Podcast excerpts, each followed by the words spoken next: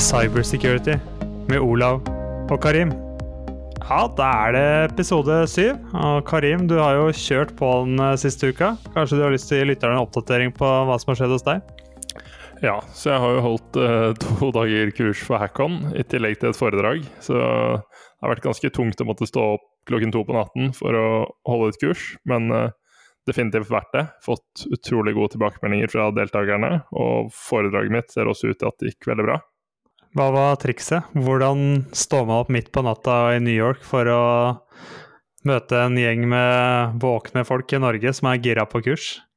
Ja, Jeg gjorde jo som du sa, gikk og kjøpte meg Red Bull på 7-Eleven og klarte å holde meg våken og komme meg gjennom det. Så var det jo litt rart da, når, eh, når du har hatt en hel arbeidsdag, og så er klokken bare ni om morgenen. Ja, det skal jo veldig forvirre for meg å prate med deg på chat eh, og plutselig få svar på morgenen og bare Hva er det han driver med nå i New York, da? Så bare Aha, skal kurs, ja. Stemmer det. Men uh, du har jo i tillegg til nå jobbe hardt med dette puteslottet også kjøpt inn litt uh, kunstig intelligens. Hva er det for noe? Ja, så jeg prøver å gjøre alt jeg kan for å få ned ekkoen i dette rommet. Og nå har vi gjort en kombinasjon av å endre litt vinkel, sånn at jeg ikke sitter og snakker rett inn i vinduene. I tillegg så har jeg kjøpt et produkt som heter crisp.ai, som, som, skal hjelpe med å filtrere støy. Hittil så virker den ikke så veldig effektiv på nettopp ekko, men uh, den har i hvert fall uh, vist seg å være utrolig god på f.eks. Altså, en hund som bjeffer i bakgrunnen, eller generelt bakgrunnsstøy, da, er den ganske god på. Men du Olav, hvordan går det med lesningen til CSSB? Jeg må jo innrømme at jeg ikke har kommet i gang. Ja, jeg, har vel ikke vært noe stjerneeksempel, men i går kveld så kjørte jeg en sånn testeksamen på SISP. Kjøpte en sånn spørsmålspakke og fikk 70% Riktig, altså, men jeg har ikke peiling på om det er bra eller dårlig, eller hvor, hvorvidt de spørsmålene er relevante for eksamen. Eh, det er jo selvfølgelig ikke de spørsmålene man får på eksamen, håper jeg, eller kanskje jeg bør håpe det. Men eh, ja, så nå har jeg i hvert fall meldt meg opp til eksamen, da. Når var det? 17 mars, var det ikke det jeg meldte meg opp? Jeg tror det var 17. mars.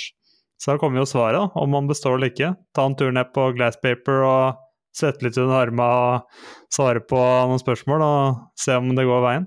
Ja, Så det du sier er at jeg må egentlig melde meg opp 16. mars, eller håpe at du ikke består? Ja, eller så skal jeg ikke si det mer nå, og så lar vi det bare skli, og så får ikke du meldt opp, og så skylder du meg et par øl. Det hadde vært fint. Det er også en løsning. I dag skal vi snakke om eh, to domener. Domene 12, sentral logging, og domene 13, incent management. Og sentral logging kan jo høres litt sånn rart ut, men årsaken til man ønsker sentral logging, er jo for å samle alle logger ett sted, der de er godt beskyttet, fordi tilgang til logger skal man være veldig forsiktig med. Hvis man blir angrepet, så er det første en angreper vil gjøre, er jo å slette loggene, så ikke du kan se hva som faktisk har skjedd, og når det fant sted som gjør hele oppgaven med å komme tilbake igjen eller få kontroll ekstremt vanskelig. I tillegg er det sånn at loggene eh, i de ulike systemene har jo en ulik, ulik, retention, altså hvor lenge de lagres. Så for å samle loggene et sted, så kan man også mye lettere styre retention på loggene. Men det jeg lurer på, Karim, hvis man ikke samler loggene et sted, og ikke har ikke jevnlig besøker disse loggene for å finne ut om man har blitt angrepet eller hva som har skjedd, hvordan klarer man egentlig da å finne ut Hvordan skal man avdekke om noen er på innsiden av miljøet sitt eller ikke? Ja, så da, da ler man jo litt i god tro, kan man jo si. Eh, hvis man ikke bruker de loggene til å skaffe seg en innsikt eller oversikt over hva som foregår i miljøet. Og så er det jo sånn at man har noen verktøy som vi har vært innom tidligere, som f.eks. Endpoint Detection and Response-plattform, som gir deg ferdige alarmer. Men for å kunne ha et uh, ordentlig modent uh, cyber-overvåkningsprogram, så er du nødt til å korrelere loggene i et Security Information, Information Event Management-system, altså et CM. Og det vil gjøre de både indekserbare, uh, og, eller det vil indeksere de, og også gjøre de søkbare, slik at du kan slå opp logger. Og Det som ofte er fint, er at du kan slå opp logger på tvers av ett system, i samme spørring f.eks., og korrelere de to. Men det krever jo også at man har en kapasitet og kompetanse inhouse til å se på disse loggene. Så det ansvaret ligger jo gjerne hos en sokk hvor eh, man lager deteksjoner eh, eller alarmer da, rundt såkalte logger. Og da tar du gjerne for deg uh, noen uønskede hendelser, kanskje basert på trusselmodellering eller threat intelligence som det var. Og så danner du et korrelasjonssøk som vil trigge en alarm basert på det. Og det kan jo også være kombinasjonen av flere hendelser. Når man har en sokk, så er det også vanlig å kanskje bygge et dashboard, sånn at du får dette single pane of glass som viser deg alle alarmer. Og hvis du da har i tillegg et EDR-verktøy f.eks., så kan det gi mening å hente inn alarmene fra disse og sende til det samme dashboardet, som på en måte utgjør security monitoringen din. da. Hva er typiske loggkilder man burde hente inn, Olav? Vi snakket jo litt om det i stad. Jeg tenker at man bør jo ha logger fra operativsystemet, eh, fra firewall, fra alle autentiseringer, altså innlogging på ulike systemer. Eh, identity management, altså blir det oppretta og endra konto der ute. Eh, og Active Directory. Det er i hvert fall en god start, tror jeg. Og så er det jo veldig avhengig fra organisasjon til organisasjon og selskap til selskap hva slags system man har, men det er nok i hvert fall et minimum og et par eksempler, tenker jeg, Karim. Men det er mange ulike måter å samle disse loggene på. Eh, både eh, med agent og uten agent. og Der er det en del fordeler og ulemper. Har du lyst til å fortelle oss litt om det? Ja, så du kan jo bruke en agent som f.eks. Splunk Universal Forwarder, hvis du velger å bruke Splunk som ditt CM. Um, den agenten har jo mulighet til å eksekvere kode på operativsystemet, så den kan være litt skummel for veldig sensitive systemer, f.eks. en domenekontroller. I de tilfellene så kan det lønne seg å sette opp en egen event forwarding-arkitektur. Så det er noe å ha i bakhodet før du bare installerer en CM-agent. Hva slags kapabiliteter har den, og hvilke potensielle sårbarheter introduserer den til systemet ditt. Så man kan rett og slett ved å tenke at man legger på mer sikkerhet, også åpne noen andre dører som kan uh, smelle tilbake igjen uh, hvis man er litt uheldig, ikke sant?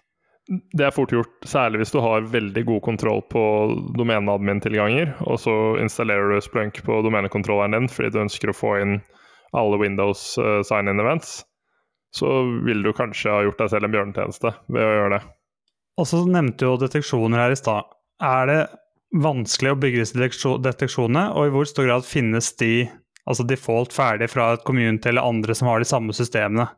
Ja, så det er jo vanskelig å bygge deteksjoner, og noen av de krever jo tilpasning til ditt miljø.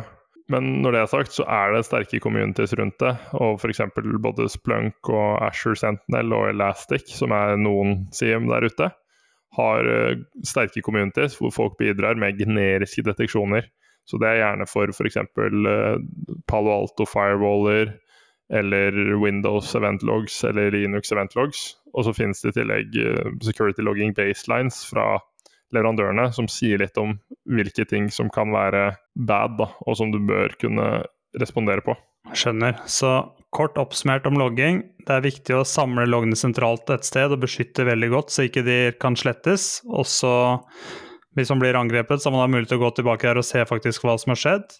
Eh, I tillegg så ønsker man da å få disse loggene inn i et eksempelvis et CM-verktøy for å korrelere, indeksere og gjøre loggene mer søkbare i ettertid. Og til slutt da bygge deteksjoner på disse loggene, så man får opp alarmer eh, i eh, sideverktøyet. Og gjerne ha alt dette i eh, single pane of glass, som du sier, sånn at det er mye lettere for sokken å ha kontroll. Ja, så det er jo en viss kompleksitet knyttet til dette, og det er jo derfor mange organisasjoner ikke har tatt det steget og skaffet seg et Security Information Event Management-system ennå. Uh, og det krever også en kapabilitet å kunne ha en sokk. Så mange ser jo på outsource der, særlig for mindre bedrifter. Men hvis du har en intern kapasitet, så er det jo verdt å se på det. Og jeg har også sett uh, veldig små organisasjoner. En organisasjon med 40 ansatte og bare et par på IT, som også har hatt uh, et CM og prøvd så godt de kan å bygge deteksjoner og fulgt denne single pane of glass-tankegangen og prøvd å oppdatere deteksjonene litt iblant, basert på uh, threat intelligence og ja, endringer de får med seg. Ja, og hvis du ikke har dette systemet, så kan vi vel egentlig si at den eneste måten du da detekterer at noen er på innsiden av systemet ditt som ikke skal være der, er at systemet plutselig ikke er tilgjengelig, eller at dataen er kryptert. Ja, og det tar oss kanskje litt over til eh, neste domene, som er incident management. Ja, det er jo et veldig komplisert og vanskelig domene, så jeg tror vi skal forenkle en del her. Så til de som jobber med dette til daglig, så kan det hende at de opplever at vi forenkler litt vel mye. Men igjen, med tanke på målgruppen vår, så tror jeg vi er avhengig av å gjøre det, med, med, så vi ikke sitter her og prater i timevis. Men forskjellen på et event og et innsendt, Karim, for å begynne med det, hva, hva tenker du der? Ja, så Det vi har snakket om, er jo systemer for å korrelere mange events. Uh, men nå skal vi litt mer over på en incident som er kanskje en uh, ofte starter med en serie med hva skal man si, unfortunate events, altså eventer som er uønsket eller som tyder på at noe er bad. Så en incident er først når du har en mistanke om at det du egentlig var ute etter å oppdage, har, har oppstått. Og da trigger du en event. Beklager, da trigger du en incident. Og det man da trenger, er jo kanskje en instant response plan. Ja, så hvis du ikke har en instant response plan, og alt dette skjer litt sånn adhoc og tilfeldig, så blir ting veldig vanskelig. Eh, de lærde her deler opp en instant response plan i følgende emner. Deteksjon, response, mitigation, recovery, remediation, reporting og lessons learned. Men for å forenkle litt i dagens episode, så velger vi bare å si før en incident, underveis i incidenten og etter incidenten. Så blir det litt lettere for uh, lytterne å følge oss her. Så jeg tenker at i forkant av en incident har funnet sted, så er det veldig viktig at du har en incident response plan, at du har gode rutiner, at du har eskaleringsrutiner, at du har kontaktlister, at du har bygd disse deteksjonene vi snakka om i forrige emne, og at du har et incident response team som enten kan være internt eller tredjepart, eller en kombinasjon av begge. Og så tenker jeg, Karim, kanskje du Hva gjør man når man har fått bekreftet at dette eventet er en innsendt? Hva, hva bør man gjøre da? Ja, så Når man har erklært en incident, så begynner jo ting ofte å gå veldig fort. Jeg kjenner jo godt til det selv. Eh, det begynner å koke i blodet, du har dårlig tid, og du er stressa for hva eh, konsekvensen av dette potensielt kan bli. Men det er da man er nødt til å holde hodet kaldt, så man lærer seg når man øver mye på det fokuset ditt er jo å stoppe angrepet. Uh, men for å stoppe angrepet så er du også nødt til å finne ut ok, hva var den initielle angrepsvektoren. Altså har du en webserver med en sårbarhet, så hjelper det ikke å kaste ut angriperne, for da kommer de seg bare rett inn igjen. Så her er du jo nødt til å jobbe mye med loggene du har i CM, og prøve å korrelere alt sammen og gå tilbake og spore fra ok, hvor oppdaget du angriperen? Kanskje det var sent inn i cyber kill chain. Kanskje det var allerede i det et endepunkt var blitt kryptert, eller til og med en server. Og Da er du nødt til å jobbe deg tilbake gjennom disse loggene for å prøve å finne ut hvor var det angrepet skjedde. Hva har det påvirket miljøet vårt for, og hva er på en måte risikoen for nye angrep. Og Så kan du begynne å finne ut ok, hvordan skal du aktivt eh, stoppe den initielle vektoren, og begynne å drive ut angriperne. I noen tilfeller så kan jo det bety at du er nødt til å reinstallere store deler av miljøet ditt.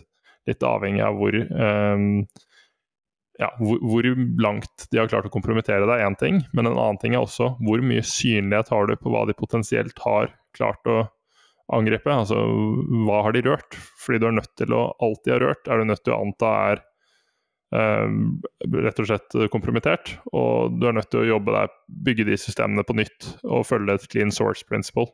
Så når du har på en måte fått litt kontroll over situasjonen, så er det jo et, annen, et par andre ting som begynner å spille inn her. Og det er jo dette med ok, skal du involvere politiet f.eks.? Har data kommet på avveie, og bør du involvere Datatilsynet? Kan det være at Nasjonal sikkerhetsmyndighet sin uh, CERT kan hjelpe deg her, altså NorCERT? Og alt det kommer jo an på uh, omfanget av angrepet, uh, hvilken, altså hvordan bedrift du har. Ja, og da tenker jeg at et angrep kan jo også da vare kort, og det kan vare veldig lenge. Eh, men i etterkant av et sånt eh, angrep, eh, Karim, hva, hva, bør man gjøre da? Ja, så alle angrep lærer man jo noe av, og det samme gjør man av øvelsene. Og det er der dette kommer inn. Lessons learned. Det er utrolig viktig, for du er alltid nødt til å bli bedre, og det er alltid en bedre måte å håndtere et angrep på. Fordi det er umulig å ikke tråkke feil når du håndterer et angrep, fordi stressfaktoren er såpass høy, og informasjonen man får senere, endrer teoriene du har tidligere hatt. Sånn at uh, hadde du hatt den informasjonen med en gang, så ville du tatt noen andre valg tidlig i fasen. Men det å se på den informasjonen man senere hadde, og hvordan de tidligere beslutningene påvirket utfallet, uh, og hvordan de beslutningene ville vært annerledes dersom du hadde all informasjonen, det er på en måte veldig gyldig, eh, eller veldig viktig informasjon for å se på hvordan du skal um, ja, respondere neste gang. Ja, og kanskje det viktigste her er jo at intensjonen da er jo selvfølgelig å sørge for at man skal unngå at det samme skjer igjen, og derfor ta læring av det. Både eh, ting man kan gjøre i forkant eh, og proaktivt, og hvilke tiltak man bør gjøre i etterkant. Og så har vi et par ting man skal være litt eh, klar over. Det er jo som du innledningsvis sa, at hvis persondata er på avveie, så har man også en frist på varsledatatilsynet varsle innen 72 timer som gjør at ja, du skal ha litt planer og rutiner og trent det for å bare helt klare å overholde den fristen, tenker jeg. I tillegg så er det jo en del sånne serter og ulike samarbeid der ute. Hva tenker du om de, Karim? Ja, så du har jo flere CERT som står for Computer Emergency Response Team. Du har jo både private CERT, som er en form for altså en forlenget arm når shit hits the fan, eller uh, selskap som hjelper deg å aktivt monitorere. Men så har du også sektor-CERT, eh, som f.eks. Eh, Nordic Financial CERT, du har Justis-CERT osv. Og det er jo hva man kan se på som nærmest et spleiselag fra sektorene for å hjelpe hverandre. Eh, så det vil jo fungere som et senter for informasjonsutveksling. Men det vil jo også være, i det det er en instance, så kan det være f.eks. spesialkompetanse du ikke innehar. Og de vil også benytte ressurser på å gjøre konkret trusseletterretning som er relevant for den bransjen man er i. Ja, så ikke sant? Så Fremfor at alle bankene i Norge har tre-fire hver på trusseletterretning, så samarbeider man med CERT, og så setter man de tre-fire årsakene der, og så får du mye større utbytte og ja, også mer økonomisk fra et informasjonssikkerhetsperspektiv. da. Ja, og de vil jo være mye mer spisset også rundt dette. Kult. Nei, men Da tror jeg vi har dekka incident management godt. Karim, hva tenker du? Ja, jeg tror det. Skal vi hoppe over på dagens sjekkliste, kanskje? Dagens sjekkliste. Jeg tenker at Punkt nummer én er eh, har du en sentral logging og er disse godt beskyttet. Og vær da klar at hvis du ikke har det, så har du mest sannsynligvis en lav retention på loggene dine. De kan lett bli slettet hvis du blir angrepet. Og det er veldig vanskelig å gjøre noe fornuftig med loggene for å detektere om noen er på innsida av nettverket som ikke bør være der. Ja, og så er det jo det om man, Spørsmålet sender du viktige logger til et eh, CM i dag. Og hvis du ikke gjør det, så burde du gjøre det. Og dersom du gjør det, har du en prosess som sørger for at nye loggkilder kommer inn som de skal. Ja, for det er litt sånn typisk. Man kjører et prosjekt på å få i gang en CM, og så går det et halvt år, og så kjøper man et par nye systemer og endrer litt, og så glemmer man å bake inn det i CM-løsninga. Det er en klassiker. I tillegg så er det jo dette med sikkerhetsdeteksjoner på CM. Har du gode deteksjoner, og har du et uh, life cycle management for disse deteksjonene, slik at ok, når det er en falsk positiv f.eks., hvordan forholder du deg til den? Hvordan uh, bruker du trusseletterretning til å lage nye deteksjoner? Ja, og så tenker jeg, har du en instant response plan? Og hvis svaret er nei, da er det på tide å begynne å lage en. Og dersom du har en, så det, kan du stille deg selv spørsmålet hvor ofte tester du den? Og øver du på den hele tiden, eller er det noe du bare børster støv av hver gang ting går gærent? Ja, det er jo litt som skal komme tilbake i tidligere kapittel, men har du noen gang testa Restorer fra backup? Og hvis du ikke har gjort det, hvordan vet du at backup fungerer? Litt sånn blir det også med Instant Response Plan. Du må trene. Da tenker jeg vi sier uh, takk for i dag. Ønsker alle lytterne våre en uh, fin uke. Yes, takk for i dag. Ha en flott uke.